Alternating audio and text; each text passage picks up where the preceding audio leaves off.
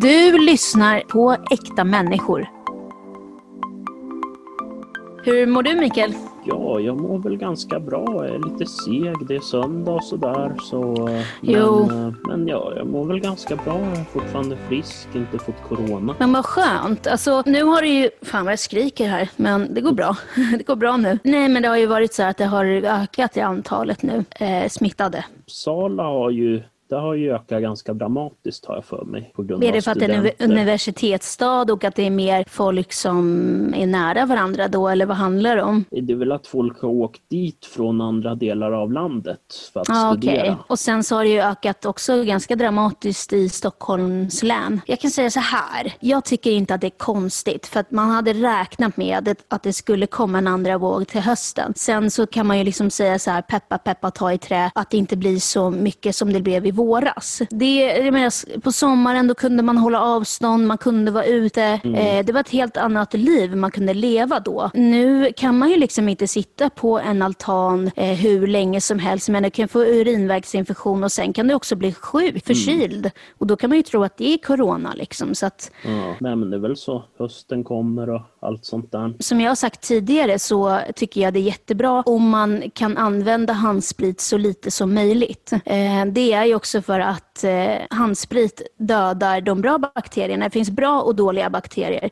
Eh, och de bra bakterierna dödas när man tar handsprit. Och då har man lättare för att få förkylningar för de här bra bakterierna äter upp de här förkylningsvirusen. Så att då har man ju lättare att bli förkyld. Och det är inte så kul det heller. Det är inte lika farligt men kanske för äldre då, då eftersom det är ju farligt att få en vanlig förkylning för de äldre äldre så att säga. Så Ja. att, men peppa peppa ta i trä så hoppas vi på att det inte blir som i våras. Så min mamma hon jobbar ju inom eh, vården, alltså på akutmottagning, medicinsk läkarsekreterare är hon. Och eh, hon skriver för eh, akuten helt enkelt. Och det var de stycken på det här sjukhuset då, då i Stockholm eh, som var inlagda eh, för ja, corona, covid-19. Och mamma sa det att jag brukar bara skriva på en eller två men nu har jag fått in liksom 18 stycken. fick hon in bara i, när var det, i eh, lördags. Eller om det Jaha. var i fredags. Ja. Så att hon sa det, det ser inte bra ut just nu i alla fall. Eftersom det har ökat så dramatiskt liksom bara på något dygn. Så det kan vara en andra våg alltså helt enkelt. Det kan vara det, men eh, som sagt så vet inte jag hur gamla de här personerna var heller. Men det är väl sådär, man får ta en dag i taget och hoppas på det bästa. Och, nej, försök att inte fara runt för mycket tror jag är en bra idé. Jo, det är faktiskt väldigt bra att inte göra det. Samtidigt som jag känner typ så här, jag kan ju dö imorgon också. Alltså förstår du jag menar? Visst, jag ska inte tänka så, men jag känner typ lite så här att livet slutar inte av att corona finns. Alltså tiden går ju hela tiden. Precis. Men samtidigt känns det lite som att tiden ändå står stilla. Det är jättekonstig känsla, eller hur? Ja, det är jävligt märkligt sådär. Jag är ju själv arbetslös och det är ju jättemärkligt så här, man ska söka jobb och då är ju alla dessa funderingar på om man får ett jobb och man måste åka kollektivt, hur ska man göra då? För att man vill ju inte bli smittad och man vill inte åka i rusningstrafik. Men om det är ett arbete som börjar så att man måste åka i rusningstrafik, hur ska man göra då? Jag menar, man har ju inte råd med taxi heller för den delen, så det blir ju jävligt knepigt. Ja, när man åker mycket kollektivtrafik till exempel, jag gör ju det nu. Och då, då känner jag liksom att nu är jag inte lika rädd som jag var när jag inte åkte. Förstår du vad jag menar? När jag inte hade något att göra på dagarna. Det kändes som att jag förstorade typ, rädd, alltså, räds, alltså jag förstorade typ rädslan. Förstår du vad jag menar? Precis. Så att det blev lite som att jag typ Alltså blev typ rädd att gå ut eh, när jag liksom bara typ gick och tränade och umgicks med de som bor här i närheten. Eh, Men nu när jag liksom har fått komma ut och gör saker på dagarna så känns det som att jag inte är lika rädd. Det är väl både positivt och negativt faktiskt. Men det, det är väl sådär, man får ju försöka hålla, hålla sig realistisk, det är ju det. Men samtidigt inte vara allt för slapp heller för den delen. Nej, exakt. exakt. Det kan ju vara så att, att eh, folk har slappnat av lite och det är därför det börjar igen. Liksom. Ehm, och det, jag, jag, jag, jag tänker att det är inte så konstigt att folk snabbt, slappnar av. Jag menar, när siffrorna går ner då, då blir det typ som att tänka, ja men nu, nu är det lugnt liksom. Men ja, mm. jag har alltid någon liten jävel som liksom typ kontrollerar mig och typ säger i sista sekund, nej det där ska du inte göra. Mm. Nej, men du snackade lite om Arbetsförmedlingen, om vi kan ta lite det kort sådär att eh, nu har du fått en jobbcoach och Mm. Ja, du, du helt enkelt ska svara på sådana här fantastiska frågor som jag gjorde förut.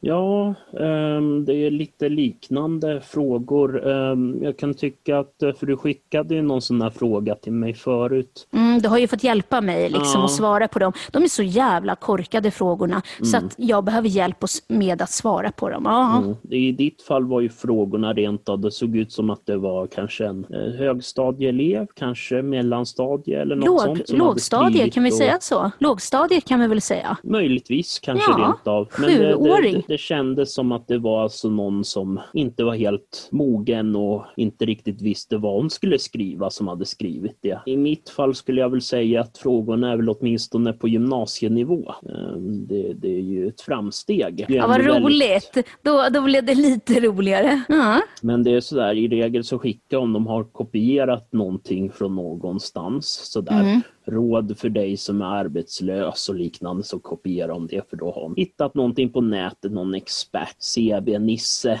som ja. där förstår sig påare som men vad är det för frågor du får då? Ja, de har en fråga längst ner på, på dokumentet de skickar. Och så, så först är sån här information om så här skriver du ett bra CV, den har jag hört för 120 gånger men sen så under sen så en sån här uppgift, snar, eller uppgift eller fråga och, så där, och då kan det vara något i stil med eh, skriv ut vad du har för mål inom mm. en viss tid för att komma närmare arbetsmarknaden, bladi mm. bladi. Och så ska man skriva ut ett mål och så ska man skicka det till dem. Men om man inte har något mål då, vad fan gör man då?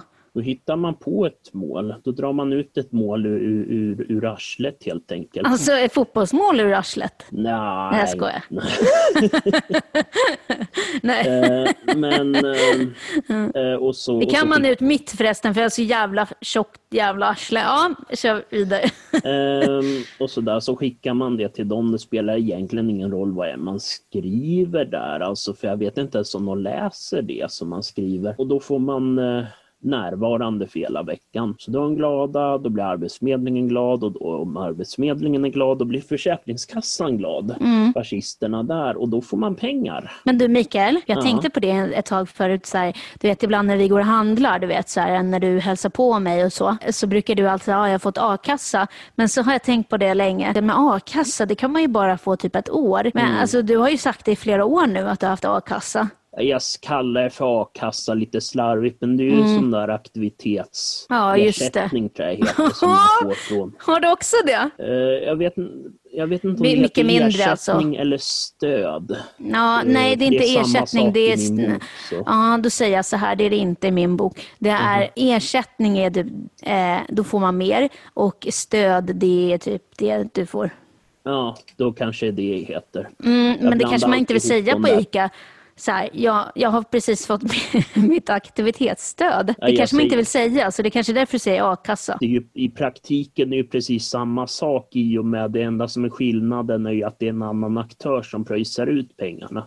Ja, precis. Pengarna för att jag är arbetslös. För att mm. man ska ha något att leva på helt enkelt. Mm. Än om det är en a-kassa eller om det är Försäkringskassan som pröjsar ut pengarna. Det gör ju ganska mycket detsamma. För det, ja, jo Precis. pengar och det är ungefär samma summa också. Aha, okay. ja. du? Det vill säga inte mycket alls. Trevligt. Ja, men jag har ju den här arbetsprövningen nu. Mm. Eh, kort och gott, det går väldigt bra. Eh, jag är väldigt bra hjälp, eh, säger man, jag är en väldigt bra hjälpreda. Mm. Jag tar kunderna frågor om mig, då tar jag dem dit till den slutdestinationen de vill ha. Så det funkar väldigt bra. Så när det kommer in en gubbe och säger hej jag vill ha kattmat så mm. vet du exakt var den finns. Mm. Jag börjar ha väldigt eh, stor koll på var saker och ting ligger någonstans. Så jag är väldigt, väldigt, väldigt glad över det. I början var det ganska jobbigt men ja, idag kan det komma in folk och, och fråga saker som jag liksom inte vet någonting om. Mm. Men eh, ja, då får jag liksom bara fråga en annan som jobbar där och fråga vart det är någonstans och så kan vi visa. Eller så tar de över. Ja. Eh, I början var jag ju väldigt trött och så. Jag kunde, alltså, jag kunde gå och träna så det gjorde jag. Eh, men sen var jag så jävla slut alltså. Mm. Eh, ja, jag orkade knappt äta och sådär. Men, men nu känner jag verkligen att jag klarar det. Och, eh, nej, men det känns väldigt skönt. Jag har kommit in i det. Och, och som jag sa förut till dig Mikael, så tänkte jag, men jag slänger in några timmar för jag jobbar ju inte lika mycket som en vanlig arbetsdag är. Men eh, det är okej, jag bryr mig inte så. Jag tänker mer på min hälsa liksom, mer än något annat. Morsan sa ju det att ja, låt det vara så. Eh, håll, håll inte på och släng in några timmar. Om du känner att det är bra, då är det bra. Håll inte på för då kan det bli avslag. Inte avslag, bakslag. Mm. så jag följer det rådet nu. Det känns som ett bra råd. Du sa ju själv Mikael att du inte heller skulle vilja jobba 100% om, när du får ett jobb. Nej, nej, det skulle jag nog inte orka sådär rakt upp och ner. Det blir för mycket sådär direkt. Mm. Utan man måste nog ta det lite lugnt i början faktiskt. För annars så eh, vet du, går man väl in i väggen direkt. Ja, och det vill man absolut inte för då kanske man aldrig vill komma tillbaka igen. Nej, precis, precis. Mm, så det är jätteviktigt att ta det lugnt i början. Mikael, mm. jag har olika upphakningar och det här är så förbannat jävla jobbigt. Aha. Ja, att jag har mina upphakningar. Mm. Det är för det leder till jättejobbiga grejer. Alltså typ så här, ja, jag har ju en upphakning på Elvis. Elvis, kungen. Kungen, the king of rock and roll. Alltså jag skulle inte säga att det var rock. Eller kanske dåtidens rock? Ja, alltså det var väl rock. Alltså det är ju så, rock har ju blivit hårdare genom tiden så att säga. Man har ju fått hårdrock och man har fått metal och man har fått death metal. Och. Ja, jo, death metal, jag vet. Men det var ju den tidens rock helt enkelt. Mm. Precis, och eh, hur jag fick en upphakning på Elvis Presley, det var ju för att eh, jag gick in på Youtube och där finns det rekommendationer. Mm. Eh, på videos. Och det kan vara videos som man sökt på innan. Jag vet att jag sökt på Elvis förut och jag har varit fascinerad över hans karriär men inte på det här sättet som jag har varit nu, eller som jag är nu. Så ja, men jag gick in lite och kollade lite dokumentärer och kollade på konserter och sånt där. Mm. Det är väldigt fascinerad historia faktiskt. För våra lyssnare, Mikael, som mm. inte vet vem Elvis är, som har levt kanske under en sten eller kanske bara inte är intresserad av musik. Vad ska vi säga, vem är Elvis då i så fall om man inte vet det? Hur ska man sammanfatta Elvis, kungen Presley? Han kom från enkla förhållanden. Han, eh, Han kom ifrån faktiskt eh, det där, jag vet inte, man uttalade den eh, Tupalo, Tupelo eller Tup... Tupalo, ja. Vad var det du sa Mikael? Eh, det var väl Tupelo, tror Tupelo. jag. Tupelo? I, i um, Apollo? Tennessee var det väl? Nej, det är, inte i, det är inte faktiskt Tennessee. inte i Tennessee.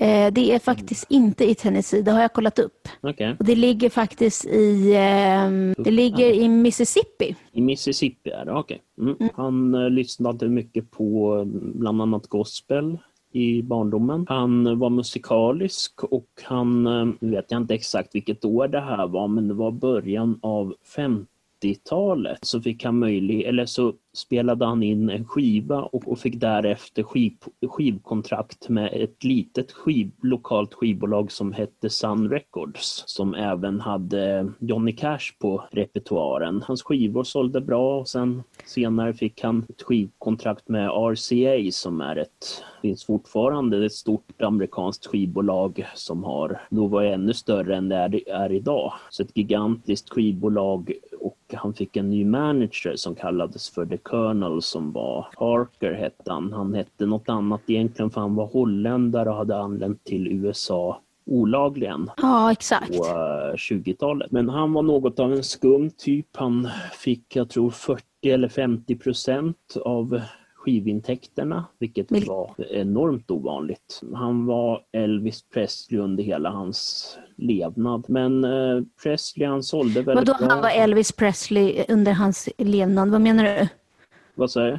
Du sa bara att han var Elvis Presley och sen sa du under hans ja, levnad, du menar det? Han var Elvis Presleys eh, eh, manager under hela hans, resten av hans eh, levnad helt enkelt. Mm. Han blev ju alltså superstjärna, mm. Presley. TV och i radio och hade ju en enorm fan intresse. En, en, enormt mycket fans alltså. Eh, som... Ja, ja, över hela världen. För han fick aldrig i alla fall åka utanför USA. Eh, och det var, för några år sedan så sa hans dåvarande fru Priscilla Presley att det var på grund av att hans manager tyckte att han var för stor och att han skulle inte klara av det. Men det var bullshit därför att eh, det var ju bara för att han eh, var i USA olagligt och han var mm. ingen amerikansk medborgare. Det kanske betyder att Elvis skulle åkt och eh, uppträtt utomlands utanför USA så hade han kanske inte fått kommit in igen, hans manager. Mm. Så att det var nog på grund av det han inte fick åka ut, ja, ja, utanför precis, USA. Då. Precis. Enda gången som Elvis var utomlands Eller, var... Utanför Nordamerika kanske var, ja. för jag tror att han var i Kanada någon gång. Det, det, kanske han var, men den gången jag känner till det är när han var i Västtyskland som militär. Och så han gjorde sin militärtjänstgöring i uh, Västtyskland. Det var ju där han träffade sin uh, fru. Ja. Och hon var 14 och han var 25 eller något sånt där. Ja, och han köpte väl den där ranchen? Ja, han köpte Graceland. Det är ett väldigt stort hus. Ja, en Nästan en herrgård. En ranch, vad är det? Ja, det är väl en typ av, eh, vad ska man säga, finare bondgård helt enkelt. Man har en stor kåk men sen har man olika ekonomibyggnader och djurhållning och så vidare. Ja, han gillade ju rida, rida häst tänkte jag säga, ja. men det heter väl det? Rida häst. Exklusivt förstås, han hade ju pengar. Såklart. Men eh, som sagt, just kändisskapet var ju inte direkt det bästa för honom. Tyvärr, alltså jag kan säga så här. Musiker, mm. konstnärer är väldigt känsliga själar. Mm. Och eh, jag tror inte att det är bra att det sätts för mycket press på eh, människor som är känsliga. Det är väl det som är den svåra delen av just den typen av kändisskap. Att det är väldigt, man kan aldrig riktigt vara sig själv tror jag. Nej, på grund precis. av att man är så enormt öppen fastlåst och inte riktigt kan fungera i samhället utan att få uppmärksamhet helt enkelt. Inte alltså han levde ju väldigt isolerat. I alla fall han gick inte ut och åt, han ville inte det för han ville inte att någon skulle ta foto på honom när han åt mat och så vidare. Han gick mm. aldrig ut på restaurang liksom. Ja, det måste ha varit väldigt isolerat. Jo, precis. Och att han flyttade så där ute, ut på vischan helt enkelt för att kunna vara för sig själv så att säga. Ja, det är långt ute på vischan det eller? Ja, relativt i och med att det är en ranch så är det ju inte ja, mitt inne i stan. Vad betyder ranch? Det sa ju jag. Men vad var det då? Ja, en typ av bondgård där man bland annat har hästar och kor och så vidare. Han Men... hade väl inte kor och så, eller hade han? Det, ja, det vet, vi inte. Det kanske han inte hade. Han var ju med också i eh, eh, olika filmer. Eh, hans manager såg ju pengar i allt som Elvis skulle göra och eh, om karriären med musiken gick åt helvete så kunde han ju vara med i olika Hollywoodfilmer. Elvis ville ju bli en skådespelare och han ville göra mer seriösa roller men han fick bara göra såna här eh, musikaliska roller. Precis, det var hans manager som styrde i det men det var väl kanske även att det var svårt och med att han var känd för sin musik att få filmfolket att sätta honom i andra roller också för den delen kan jag tänka mig. Men så han gjorde ju en hel del filmer. Har du sett någon eh, film med Elvis? Nej, jag tror inte det. Jag har gjort det. Eh, okej, okay. vilken såg du? Jag vet inte. Heter det någon Viva Las Vegas? Jag vet inte. Men... Ja, det gjorde han en film som hette. Ja, jag tror att det var den och sen var det någon sån här uh, Hawaii någonting. Mm, jo, men det vet jag också han gjorde. Så de har jag sett. Jag tror jag har sett typ tre olika, eller fyra. Mm. Jag kommer inte ihåg alla, men, na, men de var bra. De var bra. Kanske inte något som jag skulle sätta upp på en fredag kanske. Nej. Men eh, det, det, alla ska ha sett en Elvis-film såklart, så det är klart att man kollar på det mm. såklart. Ja, så hade han väl det där filmkontraktet väldigt länge och sen skulle han göra sin comeback där 1968. Mm. Och då sjöng han faktiskt en låt som jag tycker är en av de bästa framträdanden av Elvis. Mm. Det är If I Can Dream. Och den var väldigt relevant för jag tror att Martin Luther King dog under den här tiden och mm. så sjöng Elvis den här låten. Ja, det var ju en väldigt dramatisk tid på många sätt. Det, det var ju uppror, det var ju ja, Flower Power-rörelsen, det var medborgarrättsrörelsen. Vietnamkriget höll på, det var jättekritiserat även av amerikaner. Det var en enormt rörig och, tid. Um, ja, dramatisk tid. Nej men den är jättefin den här låten och alltså jag skulle rekommendera alla som lyssnar på, på vår podd att mm. gå in och lyssna på den låten därför att äh, men den är jättefin och den är ganska relevant nu också, eller väldigt relevant nu när när det är Black Lives Matter och sådär. Så att mm. den är berörande. Det är också en generell sak som jag har märkt som är väldigt intressant i ja, nutiden. Det är att mycket media och kultur och mycket alltså musik och, och, saker från just den tiden, slutet av 60-talet och början av 70-talet, är ju på något sätt även, har blivit väldigt relevant även i vår tid. Ju, vi har ju gått så att säga den fulla cirkeln så att säga. Vi är tillbaks där vi stampade då så att säga. Med mm. miljöförstöring, med rasism, med eh, kanske inte så mycket krig just nu, stora krig, mycket andra oroligheter i världen. Ja, det var ju då när han skulle göra 68 sin comeback så eh, pratade han med en person i affärsvärlden eller i musikvärlden Mm. Eh, och sa det, vad tycker du om, eh, om min karriär? Vad tycker du om min, ah, mitt liv, min karriär? Och ska jag vara ärlig, sa han, jag tycker att det går åt helvete. Och då mm. sa Elvis, tack, jag är så glad av att du liksom kan ah, säga det till mig rakt i ansiktet och liksom stå för det du tycker, för jag tycker exakt likadant som du gör. Mm. Eh, det var ju många i Elvis eh, team som ljög för honom liksom och så. Dock på slutet så fanns det faktiskt folk som stod honom nära i sin, ah, i, sin, i sitt team då, då, som sa till honom att han gör sig själv till åtlöje och sådär för att mm. eh, han var ju inte så hälsosam på slutet. Nej, nej, han mådde ju, mådde ju dåligt. Eh, och det var ju, jag tror att han mådde dåligt på grund av allt det här. Jag menar, ja, så fattig som man är så kan man ju alltid drömma om mer pengar men eh, det är inte alltid att pengar gör en lycklig och eh, om man kollar på Elvis och många andra som har mycket pengar så eh, ja, det kan också leda till eh, ja, att folk inte mår bra. Mm. Ja, det är väl också det där kändisskapet framförallt tror jag, mm. just att han men jag menar det, alltså han fick, alltså kändisskapet blev jobbigt, mm. men så hade han pengar men man, han blev inte lyckligare av pengarna.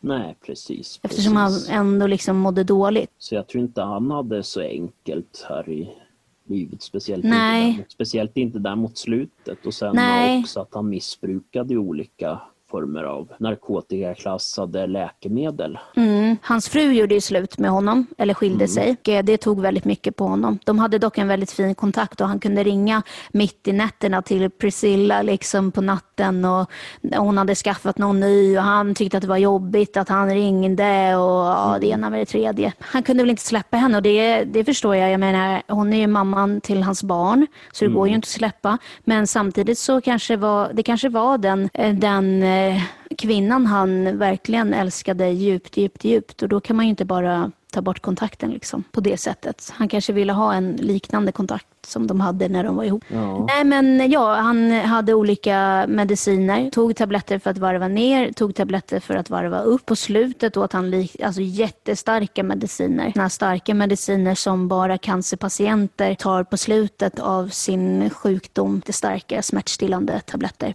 Mm. Han hade också fettlever, han hade diabetes och med diabetes så kan man få en ögonsjukdom som heter glaukoma eller något sånt där. Mm. Som gör att man kan få ont i ögonen tror jag och man ser sämre. Så han såg väldigt dåligt på slutet. Sen åt han ju väldigt ohälsosamt också. Dock mm. inte den här Elvis-mackan som folk snackar om. Det åt han inte. Enligt den sista tjejen han var tillsammans med som heter Ginger Olden eller något sånt där. Så det är en myt alltså? Det är en myt enligt henne. Han kanske gjorde det förut innan mm. han träffade henne men, eh, men inte då enligt henne. Men, han kanske hade fått nog av den vid det laget. Ja det får man ju verkligen hoppas. Den var ju inte så jävla nice vara var det på den? Det var bacon, jordnötssmör, jag mm. tror mosad banan. Vad jag vet inte om man har, kanske har sirap också eller något sånt. Så det är verkligen en blandning av allt möjligt som inte låter, det låter inte som en särskilt smarrig kombination direkt. Nej. Hälsomässigt så är väl antagligen inte jättebra. Det är väl lite av en kaloribomb, det kan jag tänka mig. Det är så att det finns olika konspirationsteorier varför Elvis lever. Det är så här, mm. våra kära lyssnare, att det kanske är så att Elvis Presley lever. Mm varför han, eller att han skulle då ha fejkat sin död. Tror du det förresten, Mikael? Alltså möjligheten finns ju, dock tror jag så här att om han fejkade sin egna död och försvann så tror jag inte att han i så fall eh, är vid liv idag. Utan jag tror inte? i så fall, nej, nej, jag tror, jag tror han säkert... Han skulle vara 85 typ. Ja, jo precis, men jag tror han skulle säkert ha dött i så fall någon gång på 80-90-talet säkerligen. Nej, varför det? Nej, varför jag tänker det? på hans hälsa innan och sådär. Jag tänker även om han skulle gå på och göra en sån här hälsokur så har han ju ändå stoppa i sig en enorm mängd tabletter han har krökat en enorm Alltså han mängd tydligen och... så krökade han inte så mycket enligt Priscilla. Ja, jag vet inte. Jag tänker om han har fettlever. Men, ja, jag tänker också det, man kanske kan få det på annat sätt. Jag vet inte. Ja, jag vet inte. Men eh, och sådär. Och sen även att han var kraftigt eh, överviktig också för den delen. Jag Mm. menar visst, det går väl säkert att banta bort och sådär. Men det är ju Ja, ändå ja, något som det. sätter sig på hälsan. Jag skulle nog säga att han... Eh, mm, jag vet faktiskt inte. Jag skulle kanske... Nej, jag vet faktiskt inte ehm, om han lever. Mm. Jag tror inte att han lever, men jag tror, jag tror inte att han dog då. Nej. Men jag tror inte att han dog just då. Det finns en, eh, en, ett klipp Eh, från hans pappa Vernon Presley eh, då han ska tacka fansen eh, för alla brev. Fick otroligt många brev. Nej, att hans pappa skulle ha fejkat det, det känns för konstigt också. Kan du berätta för våra lyssnare vad det finns för slags olika teorier om varför Elvis lever? Ja, vi kan väl börja med, då ska se här. Det finns ju, eh, vad heter det, eh, gangsterteorin att han hamnade i witness protection på grund av att han gick undercover eh, så att säga, eller inte undercover på Under det jorden? Ja, alltså, för det var så här, vi kan ta ifrån början. Det här är en teori som en eh, Gail Brewer Gi- Giar Whatever, säg inte hans namn, vi vet inte. som en författare som skrev en bok om att Elvis skulle vara vid liv. Eh, och hans teori var helt enkelt, för det finns papper från FBI, för han var tydligen Elvis, var på en sån här guidad tur i Pentagon 1971 och då hade han erbjudit sina tjänster för eh, FBI av Varför det? rent patriotiska skäl. Han var eh, amerikansk patriot tydligen. Och så, så han ville erbjuda sina tjänster och då hade han senare 1977, samma år som han dog, eh, så hade han då varit i kontakt med en person från en gangsterorganisation som kallades för The Fraternity. Och det är ungefär, betyder ungefär förening. Så det var ett antal eh, gangsters som antagligen hade lärt känna varandra under sina universitetsstudier. Han skulle då sälja ett flygplan till en av dem. Och, eh, Då ville ju FBI att han skulle gräva lite grann i där och snacka och eh, jag vet inte exakt vad det var han gjorde men tydligen så hade de fått reda på att han var så att säga spion åt FBI och eh, därav var de tvungen att sätta honom under witness protection, alltså att omlokalisera honom och kanske även i det här fallet fejka hans död. Att det är det som är anledningen varför han dog. Vad gör du?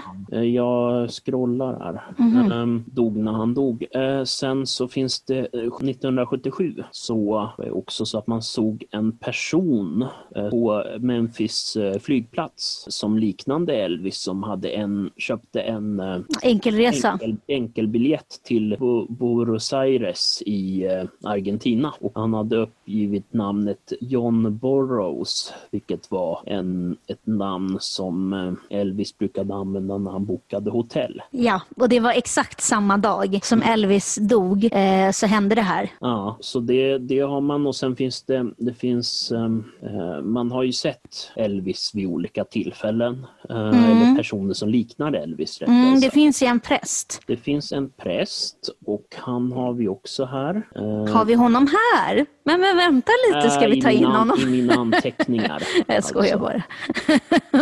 Är du säker? Ordnat ett eh, Studiebesök? intervju.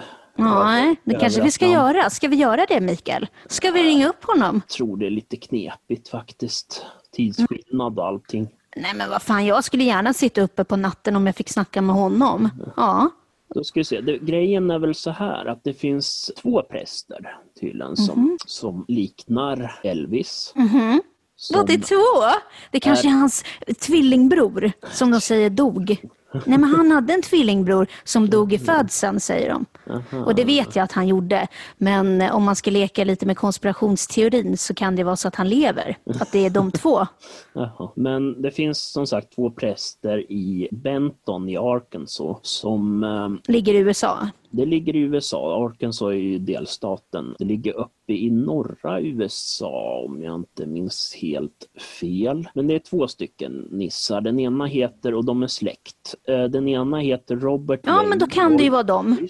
Och han är 65 år gammal. Det är en Bob Joyce som är 82 år gammal ungefär. Nu låter det jättekonstigt. Hallå? Ja, nej, det var min mikrofon. Förlåt. Jag, la... Förlåt, jag tog telefonen för nära. Jaha. Ja, sorry. Berätta igen. Vad sa du? Eh, Den andra heter Bob Joyce. Han är 82 år gammal när det här skrevs. Eh, Så nu kanske han är 83, 84. Och ehm, jag tror så här, Robert Wayne Joyce, han som är 65 år, eh, tror jag man kan i så fall räkna bort. Det skulle ju Ja, det, men Elvis är inte ens är 65 om han skulle leva. Precis, och det är ju ganska konstigt om man är i 80-årsåldern och låtsas vara en som är, vad fan blir det, 20 år yngre än en själv. Det blir ju väldigt konstigt då eh, att man Jag fattar inte. hitta förklaringar varför man ser så jävla sliten ut för sin ålder och så vidare. Ja. Eh, Så det tror jag inte, utan då är ju här Bob Joyce i så fall. Eh, Mm. Jag gjorde lite re- eller försökte jag lite research på honom. Eh, Mm. Det finns inte så mycket annat än just konspirationsteorier gällande Men hur vet man typ att det skulle vara Elvis? Har han setts typ vid hans hus eller varför, varför tror man att det är Elvis? Det är väl det och låter som Elvis i och med Sjunger han också eller? Jag tror han också sjunger. Är det han jag har sett? Är det han med vitt hår och, och Det, det skägg? vet jag inte faktiskt. Eh, Som sagt, det finns ju två prällar och båda är ju släkt. Så Aha. båda musikaliska och uppträder på, i kyrkan helt enkelt, sjunger och spelar och sådär. Mm, mm. Eh, En sak som jag letade efter som jag tänkte är väl det mest intressanta i så fall gällande Bob Joyce är ju gamla fotografier. Man skulle gärna vilja se ett fotografi av Ja, honom det- från jag tror att det är han och jag har sett en bild med han och hans fru. Jag tror om det är han, eh, om det är han med liksom, skägg och allt det där, mm. eh, så har jag sett en bild med han och hans fru. Men, um... För länge sedan, alltså en, ett gammalt foto. Jaha, okej. Okay, okay. För det är väl det man skulle vilja se. Man skulle ju vilja se bilder på honom från innan 1970 87. Så mm, vet... Tyvärr har jag gjort det, om det är han vi snackar om. Och, ja, eh, jag menar om det finns ja. sån, sånt, då, då är det ju sannolikt inte honom. Nej, då är det inte han. En annan teori varför Elvis skulle leva, mm. Eh, det är att han, alltså Elvis, efter att Elvis dog, jag vet inte när den här filmen Home Alone, Ensam hemma. Det sägs att Elvis var med i Ensam hemma. Mm, är väl en scen där på en flygplats är det väl? Exakt. Och jag kollade på den här och jag bara, nej men vadå, det där ser inte ut som Elvis, det ser inte ut som Elvis, liksom, verkligen inte. Men sen när personen kollar upp så här mot sidan, då tycker jag att det ser ut som Elvis ögon. Och jag vet inte om det är för att jag liksom bara har suttit och kollat på massor med olika konspirationsteorier och att jag blir helt knäpp i huvudet och bara, "Åh, men det är Elvis, det är Elvis. Nej men alltså, jag tyckte, jag tyckte faktiskt att det såg ut som Elvis, alltså i blicken. Det är dock lite underligt om man har gått under jorden sådär att man skulle då bestämma sig för att man ska vara statist i en stor Hollywoodfilm. Eh, Ja, det är jättekonstigt. Varför skulle man vilja vara det? Alltså, jo, då kanske pengarna har tagit slut och han måste liksom få på något sätt pengar. Men alltså, jag tror fan inte att Elvis pengar någonsin kommer att ta slut. Nej, alltså det... Jag tänker om han fortfarande har kontakt med personer som är eh, ja, skivbolagsfolk helt enkelt på något sätt. Eller hans familj. Ja, eller familj så skulle ju ja, säkerligen gå att tvätta pengar och få över det till honom på ena eller andra sättet. Eh, enklast är väl helt enkelt i ett brunt kuvert med stora sedlar helt enkelt. Men Mikael, mm, eh, du sa ju att det är mycket enklare att försvinna i USA för att de inte har ja, personnummer på samma sätt som vi har i Sverige.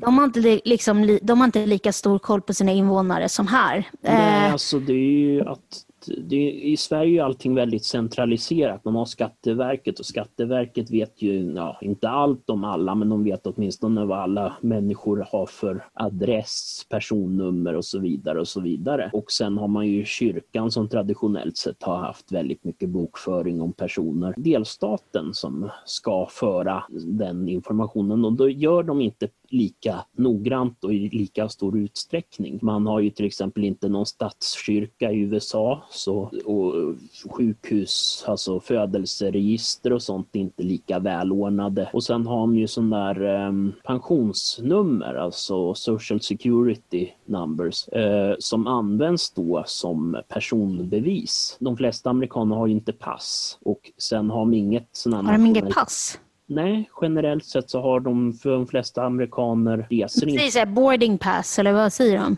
Ja, fast det är väl något annat tror jag.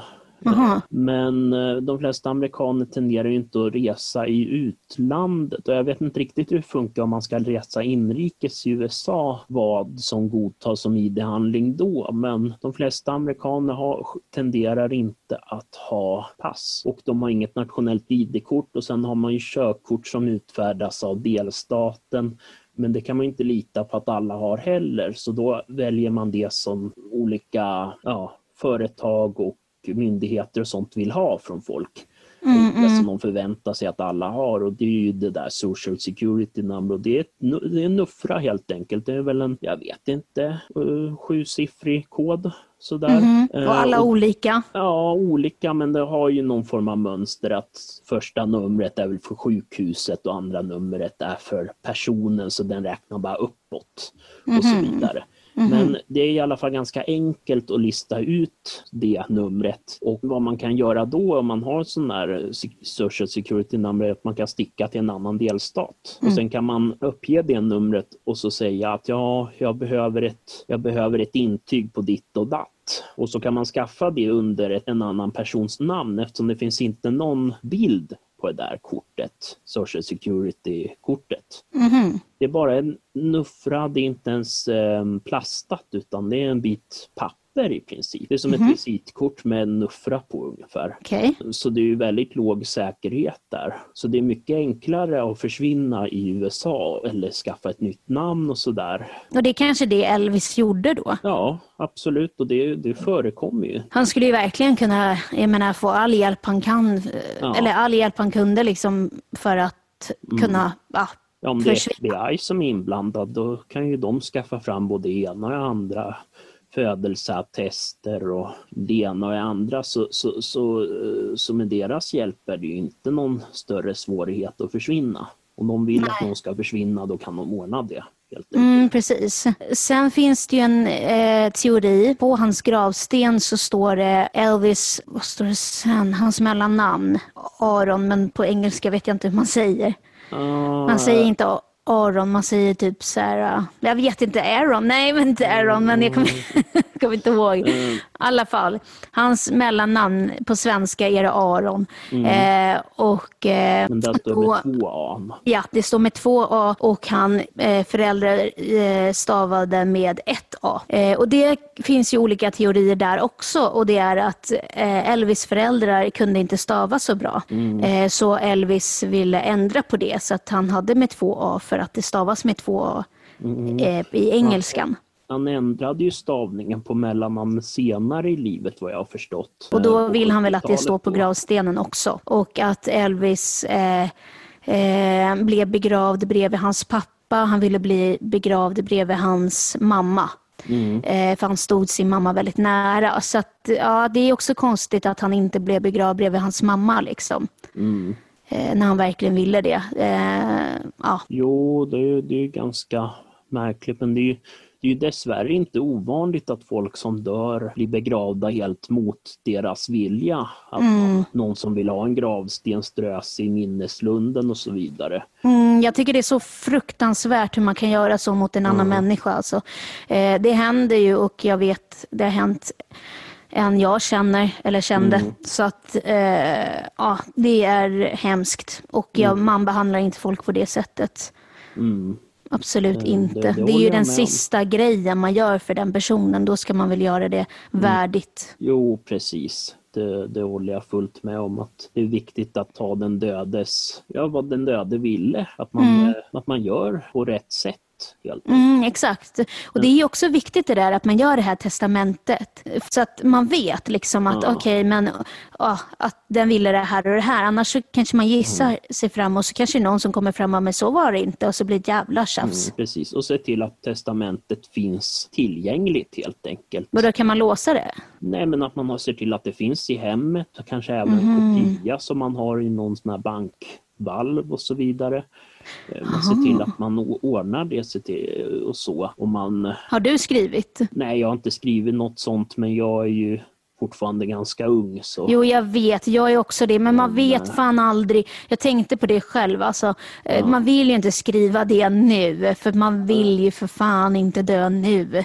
Nej. Men vad fan, om det händer någonting då skulle man ju liksom vilja jo, att det, det det, kan ju kanske vara en bra grej, jag tänker när man åtminstone när man går i pension att man ser till att ordna med där. Jag ska bli fryst. Du, ja just det, just det, du ville köra den där varianten. Ja, jag såg att man kan stoppa ner folk så här i kylar. Ja, de fryser väl de med flytande kväve tror jag. Kväve?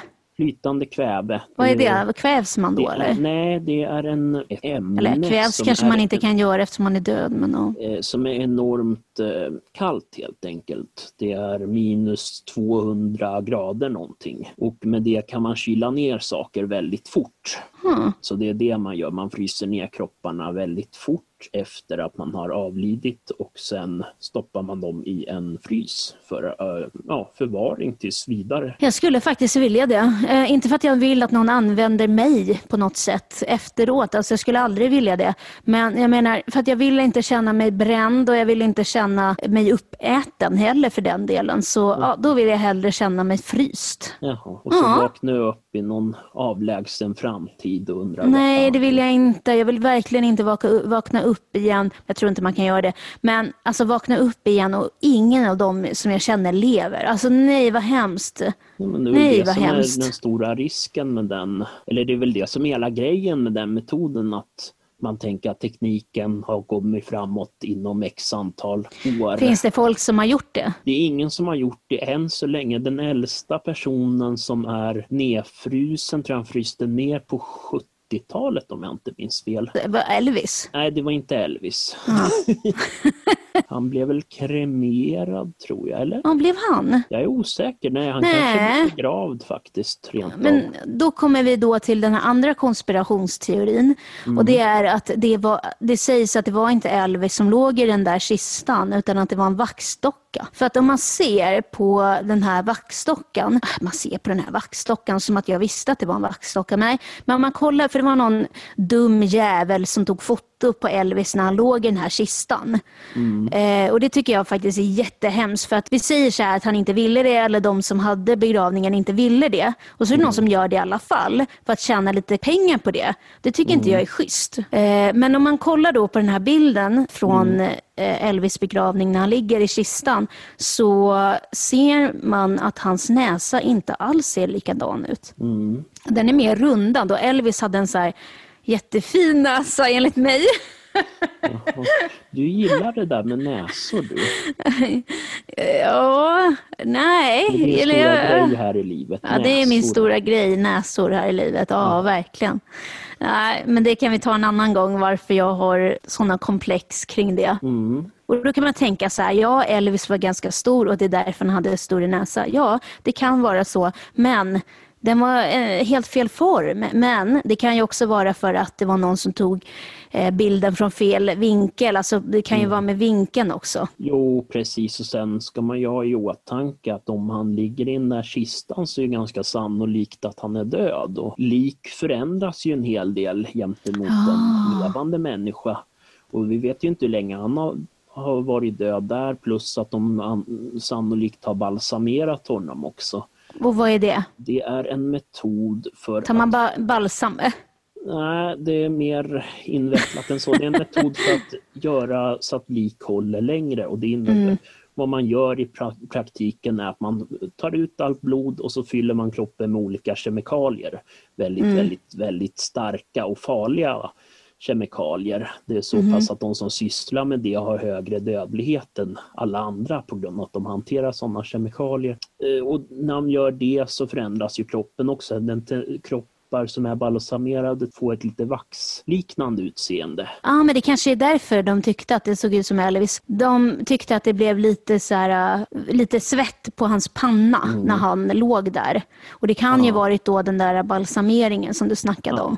Precis. Eh, Men annars är det jättekonstigt att man börjar svettas mitt i allt i, när man är död i kistan. Nej, lik brukar ju inte svettas. Eh, Nej. De kan ju svälla upp Får man ju hoppas. av Nej! förruttnelsen men det är ju så Jag tyckte med Elvis inte kunde han- man frysa honom så man kunde få se honom. Men egentligen så här, jag skulle nog inte vilja se honom heller. Nähä. Så som han såg ut. Förlåt, man inte säga så som han såg ut. Jättetaskigt men alltså, han var så jävla mycket snyggare innan. Och det bara, Ja. jaha.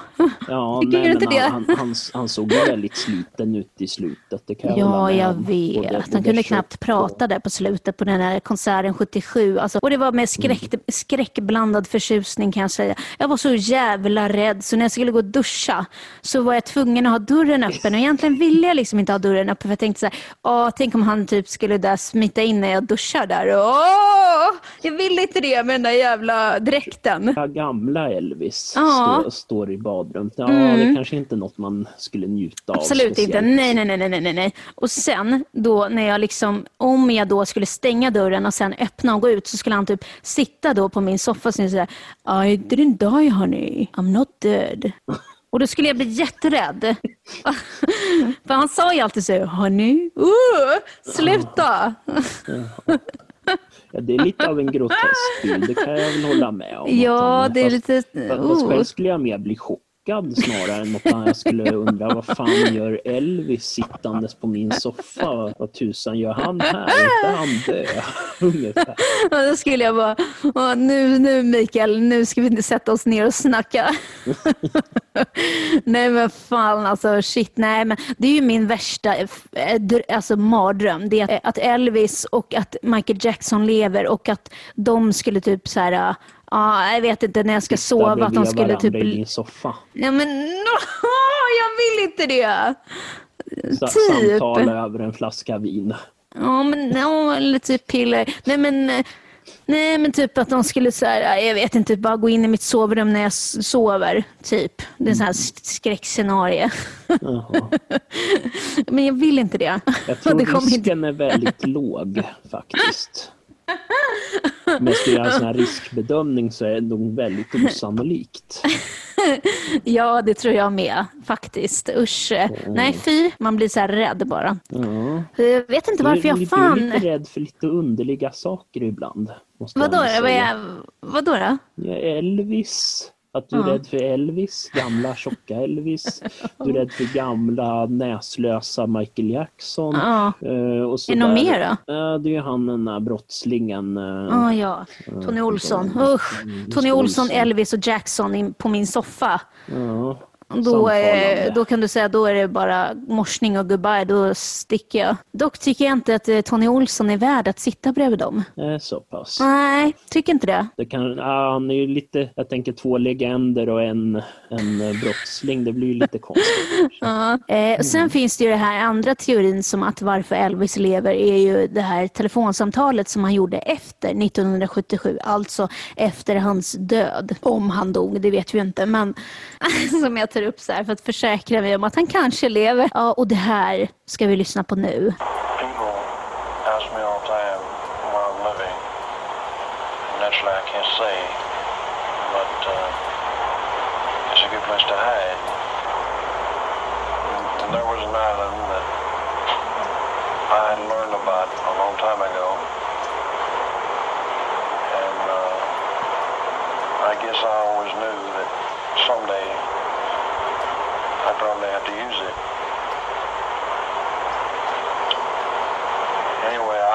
I, must have spent a year on the island. I started traveling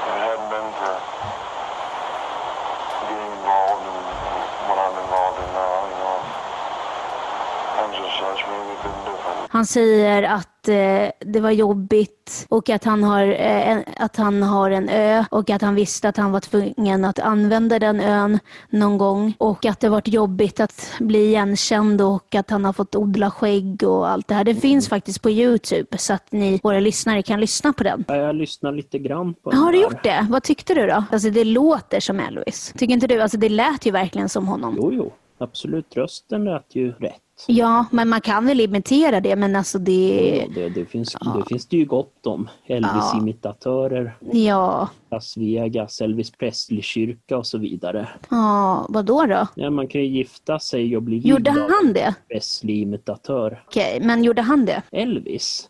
Ja, gifte han sig i Las Vegas eller varför är det i Las Vegas? Nej, han gifte sig nog inte i Las Vegas, men det är väl en grej de har. Han var ju där och uppträdde en del på 70-talet och så. Så de har ju, och så gjorde han ju den där filmen. Så de Mm. Ja, har ju han tyckte inte en- om att bli associerad med Las Vegas på slutet. Han sa att han hatar Las Vegas. Ja.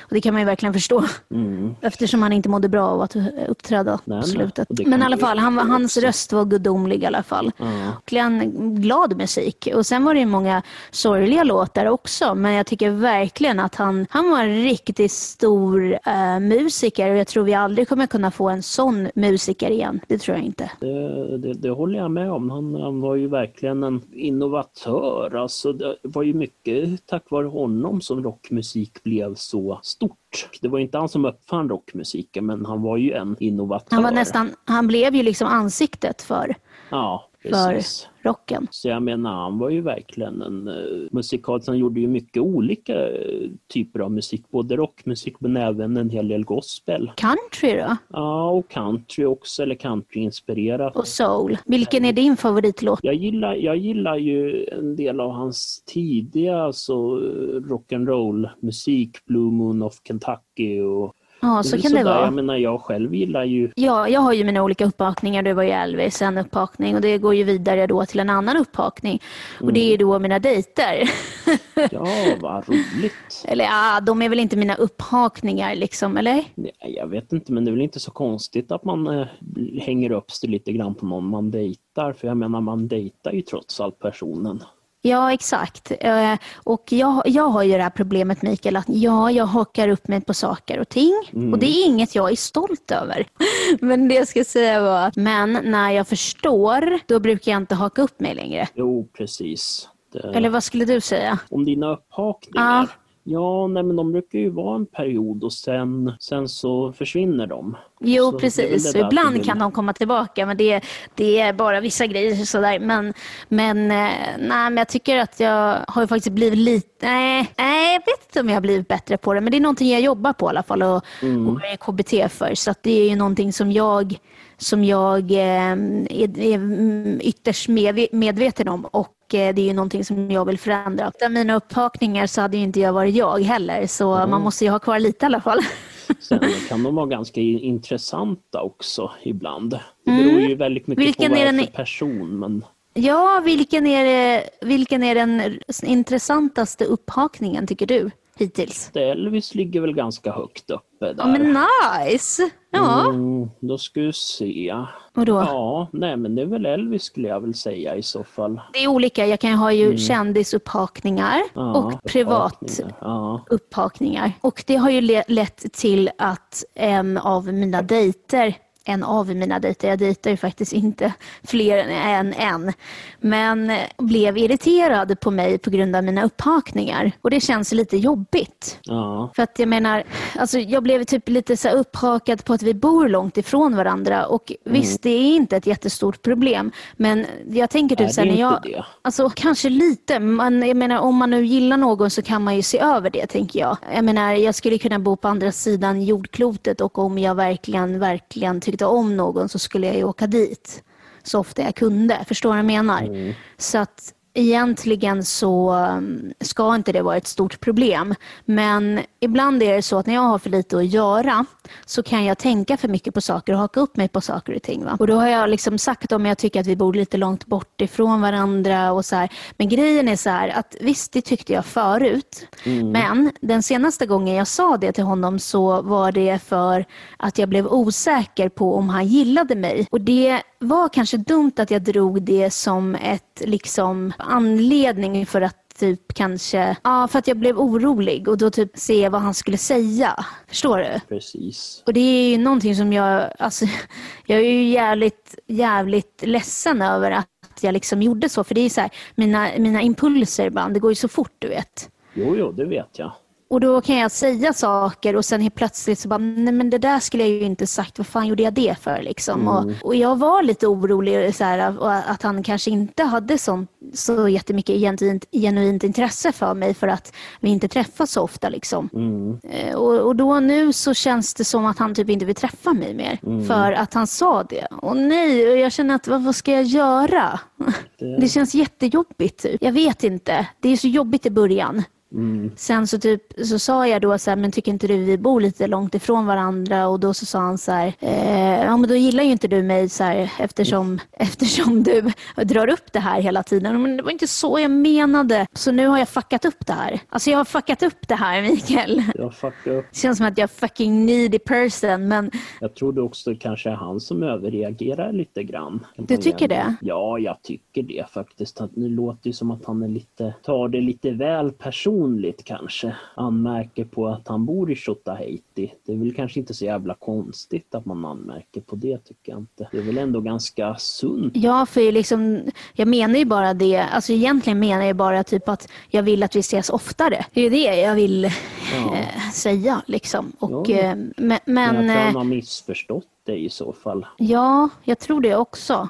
Det, Eller? lå- det låter ju som det. Ja, Att han inte, inte har fattat det rätt. det finns alltid två sidor av myntet, så är det ju. Men, ja, men det känns som att, och nu så liksom eh, så sa han så här, jag tycker att det är bättre att vi liksom, vi typ inte ska ses eller det är bättre att, eller han sa att han inte hade något intresse Aha. och att, eh, att det är på grund av att jag hakar upp mig på det där hela tiden. Och jag sa det, jag hakar upp mig på saker och ting ibland men när jag förstår så ja, hakar jag mig inte upp längre. Alltså det sa inte jag att jag inte hakar upp mig längre då när jag förstår men ja, nej, och då Det känner- låter som att han är lite kränkt. Det låter ju faktiskt som det, så att han faktiskt har blivit kränkt av att du tog upp det där med hans bostadssituation. sa jag så här, vadå, om man vill du bara då ge upp liksom för att, eh, eller så här, vill du inte dejta mig nu för att jag hakar upp mig? Och, ehm, och då liksom, ja men du tar ju upp det här hela tiden och så här, du har fått jättemycket chanser. Och jag förstår ju liksom att eh, det är ett problem liksom att jag kanske hakar upp mig. Eh, men eh, om man nu verkligen har ett intresse för en person, då, då, då kan man nog se över att någon hakar sig upp på saker och ting ibland. Nej men det håller jag med om. För att jag har ju väldigt fina sidor också så det är inte bara att jag hakar upp mig. Liksom. Och, och nu så liksom ska han tänka på om han vill fortsätta ha kontakt med mig. Han behöver tänka, ja nu har jag väntat i några dagar här och jag vet inte liksom hur länge jag ska vänta på att han ska... Han låter ju lite knepig. Jag menar om jag kan se över Han att han vill ha med sig en kompis Mm. när, när vi dejtar ibland eh, så kan väl han se över att jag har upp, upphakningar ibland. Ja, det, det, det kan jag hålla med om faktiskt. Jag menar, det, man måste ju mötas på mitten på något sätt. Ja, precis. Man måste ju lära sig att stå ut med varandras konstigheter. Det är ju sådär. Jo, precis. Det är ju det Eh, förhållande handlar om i grund och botten. Ja, att lära sig precis. stå ut med varandra. Ja, och jag vet inte riktigt vad, hur jag ska hantera det här nu. För ibland känner jag typ så här, ska jag höra av mig och fråga eller ska jag inte höra av mig och fråga? Liksom, vill du fortsätta träffa mig men jag vill inte vara för på? Och du vet mm. allt det här och ja, nej det är jobbigt alltså. Så ja. nu är min fråga till dig Mikael. Mm. Vad tycker du? Ska jag vänta och fråga eller hur ska jag göra? Liksom? För nu har det gått några dagar här. Nej, men låt det gå någon dag till och sen så får vi väl fråga helt enkelt. Men eh, som sagt, ja. jag tycker det är lite konstigt att han hänger upp sig på att du hänger upp dig på saker. Det blir... Ja, det där var bra Mikael. Li, li, nej men det är ju lite konstigt sådär att du, du har ju dina hang-ups. Du, du hänger ju upp dig på saker och ting. Om det är Elvis Presley eller om det är den snubben eller om det är att han bor i Tjotahejti. Men att han mm. ska gå igång så jävligt mycket på att du hänger upp dig på det. Du har ju till och med berättat att du ibland hänger upp dig på saker. Mm, jag sa det nu när, vi, ja. när han liksom sa att men du tar ju upp det här hela tiden. Ja, men det är för att jag har mina olika hang-ups. Ja. Och eh, ja, ibland kan det faktiskt vara intressanta hang-ups också. Det är jo, inte ja. bara dåliga hang-ups. Mm. Ja, som sagt. Så jag menar det är, väl, det är väl inte så farligt skulle jag väl ändå säga. Du hänger upp dig på saker, jag menar han har ju sina konstigheter också, eller? Ja, vilket då tänker du? Nej, men det där med sociala, eller? Ja, ja, ja. Nej, det var inte han, det var en annan. Jaha, okej, det är en annan snö. Ja, okay, ja. Men det var innan. Jag tror, mm. Det var innan jag började prata med den här killen. Ja, det är väl egentligen inte hela världen. Nej, jag tycker inte det. Alltså, jag tycker att det var en liten, så här, en liten bagatell som blev en ja. väldigt stor grej att göra en höna av en fjäder. Ja, lite så. Att det blev en höna av en fjäder.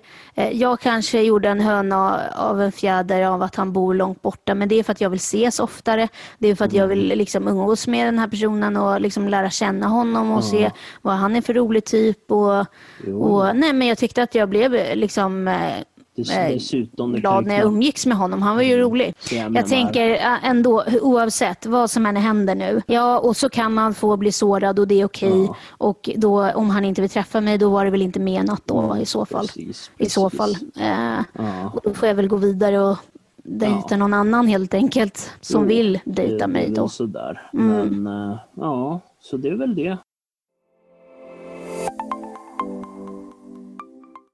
Vem tror du vinner valet? Ja, det är ju pest eller kolera, men jag hoppas ju på att det är den där Biden. Inte mm. för att jag tror att han är bra, han är ju säkert totalt värdelös, men ja. han, är han är lite mindre sämre än Trump. Ja, okej. Okay. Ja, men då är det ju bättre. Ja, mindre Absolut. dåligt skulle jag säga är det. Ja, för så, så, vad sa jag då? Bättre sa du. Jag skulle inte säga att det är bättre, jag skulle säga att det är mindre dåligt än Trump. Jag är så jävla borta i huvudet, ja. alltså det är helt sjukt. Ja, det blir så när man eh, får andas ut. Det, det, är lite grann som man skulle jämföra att få sendrag i foten eller bli skjuten i foten. Då har man hellre sendrag i foten för att det är mindre sämre än att bli skjuten i foten. Ja, jag har sökt till ett program. Vad är det för program? Det får jag inte säga, eller får jag det? Får man säga det innan man blir antagen och någonting händer? Får man säga att man har sökt? Ja, så länge inte har skrivit på någon kontrakt där det står att du inte får berätta så. Men jag menar om man skulle komma med? Jag tror inte hela världen faktiskt. Nu så får vi väl diskutera. Sen om du skriver på någon kontrakt senare så får vi inte uh, diskutera det då. Men ska vi ta och avsluta denna podd? Eller detta poddavsnitt. Jävla ja. mycket Elvis det var. Jävla mycket Elvis, men det är ju trevligt. Ja, det var ju något vi var intresserade av, eller i alla fall jag, men du ja, också. Jo, ja, men ja. Eh, det var en trevlig pratstund vi har haft. Ja, men det tycker jag. Eh, och så, jag hoppas alla lyssnare har fått ut någonting av den här podden. Och så ja, det hoppas jag. Annars så får ni för fan stänga av. Det är onödigt att ni lyssnade till slutet i så fall. Du har lyssnat på Äkta människor